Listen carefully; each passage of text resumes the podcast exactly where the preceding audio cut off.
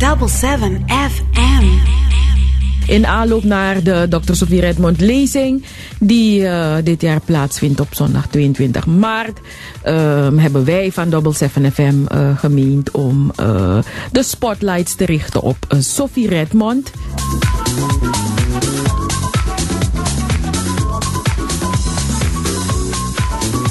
Want wij vinden het belangrijk dat de, de, hoe zeg je dat? Uh, de, dat het gedachtegoed van Sofie Redmond in ere gehouden wordt. En uh, niet alleen wij vinden dat, maar heel veel andere mensen vinden dat ook. En de bedoeling is dat, omdat Dr. Sofie Redmond uh, zoveel van ons inspireert, dat, en in deze tijd hebben wij ook andere vrouwen die ook inspireren. Gaan we, gaan we verder met de gedachtegoed van Sophie Redmond om elkaar te blijven inspireren. Zodat het alleen maar beter kan worden voor ons. En voor onze kinderen, hè, voor ons nageslacht.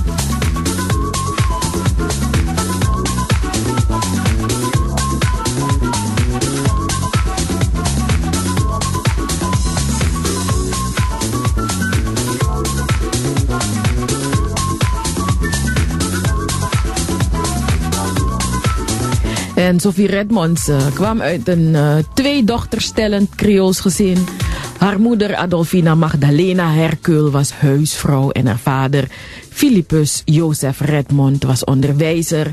En het gezin Redmond Hercule was lid van de evangelische broedergemeente, de IBG. En uh, de IBG was toen de grootste Creoolse volkskerk in Suriname. In 1924 behaalde Sophie Redmond haar MULO-diploma. Uh, ze zat op de Hendrikschool en uh, ze begon in een jaar daarna, in 1925, begon ze met een studie aan de geneeskundige school. En dat ging niet uh, al te makkelijk. Haar vader moest echt stennis maken. Hij moest echt ervoor vechten om zijn dochter op die school te krijgen. En Sophie Redmond heeft bijna tien jaar over de zesjarige medische studie gedaan. Ja, het was met vallen en opstaan. De ene keer haalde ze bepaalde examens niet en dan moesten ze opnieuw doen. En soms zag ze het niet meer zitten. Soms wilde ze stoppen. En haar vader die zei, nee, je kan niet stoppen. Al die offers die, wij, die we, je, je moeder en ik gebracht hebben. Nee, je kan niet stoppen. En ze had het ook niet makkelijk op die school. Want er zaten voornamelijk uh, jonge, jonge mannen op die school. En voornamelijk uh, mulatten en de, de moxie moxie en allerlei andere mensen. Maar zij was een van de eerste uh, kroesharige, donkere vrouwen, Creoolse vrouwen, kroesharige Creoolse vrouwen. Die meisjes die toen op die school zaten. En er zaten wel meisjes voor haar op die school, maar die waren geen kroesharige Creoolse vrouwen. Dus, um, dus Sophie had het niet makkelijk. Ze werd gepest. Nou, um, in elk geval in... Um, dus ze heeft tien jaar over die studie gedaan. En nog geen maand na haar afstuderen vestigde zij zich op 4 maart 1935 als genees, heel en verloskundige in Paramaribo. En in 1941 trad Sophie Redmond op Curaçao in het huwelijk met haar jeugdliefde Louis Emil Monco. En hij kwam met als Sophie Redmond uit een uh, Creools EBG gezin. Dus uh, Sophie en Emil waren lid van de EBG. En uh, het echtpaar Redmond Monco kreeg helaas geen kinderen. Uh, naast haar beroep als arts was Sophie Redmond schrijster alleen of samen met anderen van toneelstukken die zij gedeeltelijk of volledig in het Srana schreef met een voorlichtend karakter. En uh, Sophie Redmond verzorgde vanaf de jaren 40 uh, in de avond een radioprogramma dat Ramiwa Aksiwansani, waarbij ze de luisteraars toesprak in het Nederlands en het Sranang. Want dat vond ze belangrijk. En deze rubriek werd live uitgezonden op de in 1935 opgerichte AFROS. En de AFRO stond voor Algemene Vereniging Radio Omroep Suriname. En uh, Sofie Redmond presenteerde niet alleen dat programma, dat Ramiwa Actie Wansani. Ze had ook andere programma's, uh, bijvoorbeeld uh, het programma Praatje onder het koffieuurtje. En dat programma werd later verplaatst naar de avonduren om een groter luisterpubliek te bereiken.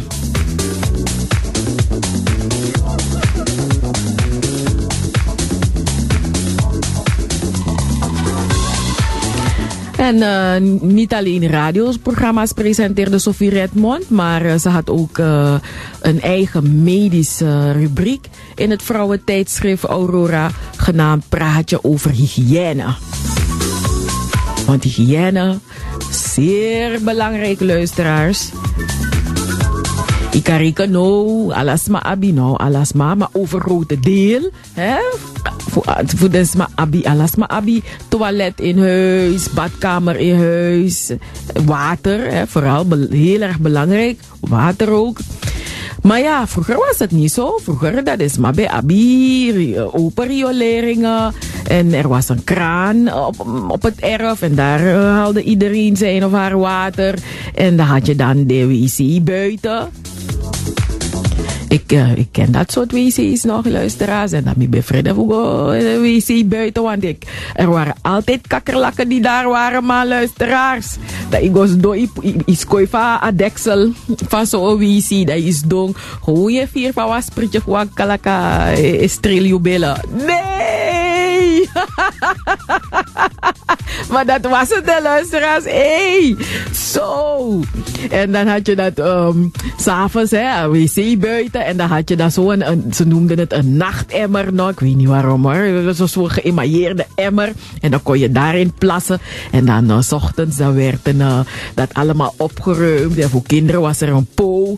Nee! Als ik aan die tijden denk, denk ik, nee! dat willen we niet. Maar uh, dus uh, dat was ook uh, in, die, tijd van Sophie, dan was het, was het niet anders. Maar je was elite als je toilet in huis had of dicht bij huis. Maar ja. Maar zo zie je hoe dingen verbeteren, hoe dingen beter worden. Maar ja, zo krijg je ook van die grappige verhalen. Hè? Dat, de, de badkamer, uh, was zo, buiten op het erf. Na walo abelai walo splietjes, dat zo dus trouwen bij begluurde schreefje. Anokaan toch luisteraars, anokaan. oh god. Maar ja, Sophie kwam uit, uh, voor, voor die tijd waarin Sophie Redmond heeft geleefd, kwam Sophie uit een gezin die het uh, vrij goed had. Dus Sophie had niets te klagen. Nee, nee. Sophie had niet, niet zoveel te klagen.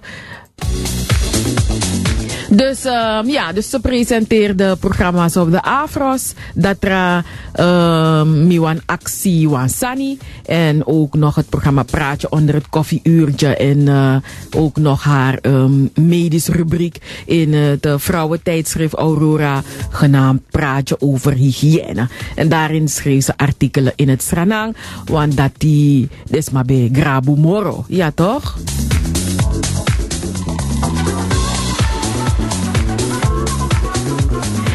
In oktober 1950 uh, nam Sophie Redmond deel aan de tussentijdse statenverkiezingen. En uh, door de verkiezingen in te gaan als uh, onafhankelijke kandidaat haalde Sophie Redmond zich de woede van de heersende Creoolse partij, de Nationale Partij Suriname, de NPS, op de hals. En werd Sophie het mikpunt van felle kritiek.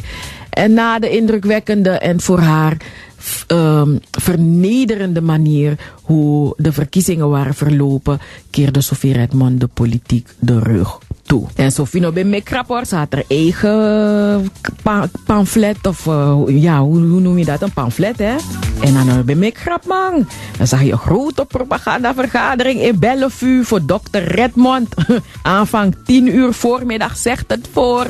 Dus Sophie was, ze was serieus. Maar ja, helaas is het niet goed afgelopen voor Sophie. En uh, ja, de NPS die was uh, nog een jonge partij, maar ze waren een grote partij. De NPS bestond in uh, 1950, bestonden ze drie jaar, want in september 1946 werd op initiatief van de uit Nederland afkomstige jurist Buiskool de NPS opgericht. En niet alleen de NPS was er in augustus 1946 werd de PSV, de Progressieve Surinaamse Volkpartij, met de Rooms-Katholieke en Creoolse signatuur opgericht onder leiding van priester Leonardus Josephus Weidman. En in 1947 werd de Indonesische partij Kaum Tani Persat Persatuan Indonesia, KTPI, opgericht door Haji Iding Sumita, dus de vader van uh, Willy Sumita. En in 1948 werd de NPP-luisteraars, de negerpolitieke partij, opgericht. Ik verzin het niet, luisteraars. Het is echt waar.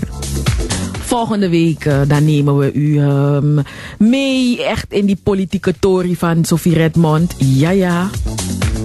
Dus blijf het volgen bij Double 7 FM. Tot zover Sophie inspireert. En uh, deze informatie hebben wij uit het proefschrift van Dr. Sylvia Kortram. Meer dan arts alleen. De maatschappelijke betekenis van huisarts Sophie Redmond in laat-koloniaal Suriname. En uh, Sylvia Kortram promoveerde op 16 januari 2014 op Dr. Sophie Redmond. Double 7 FM. Er is maar één origineel. Double 7 FM.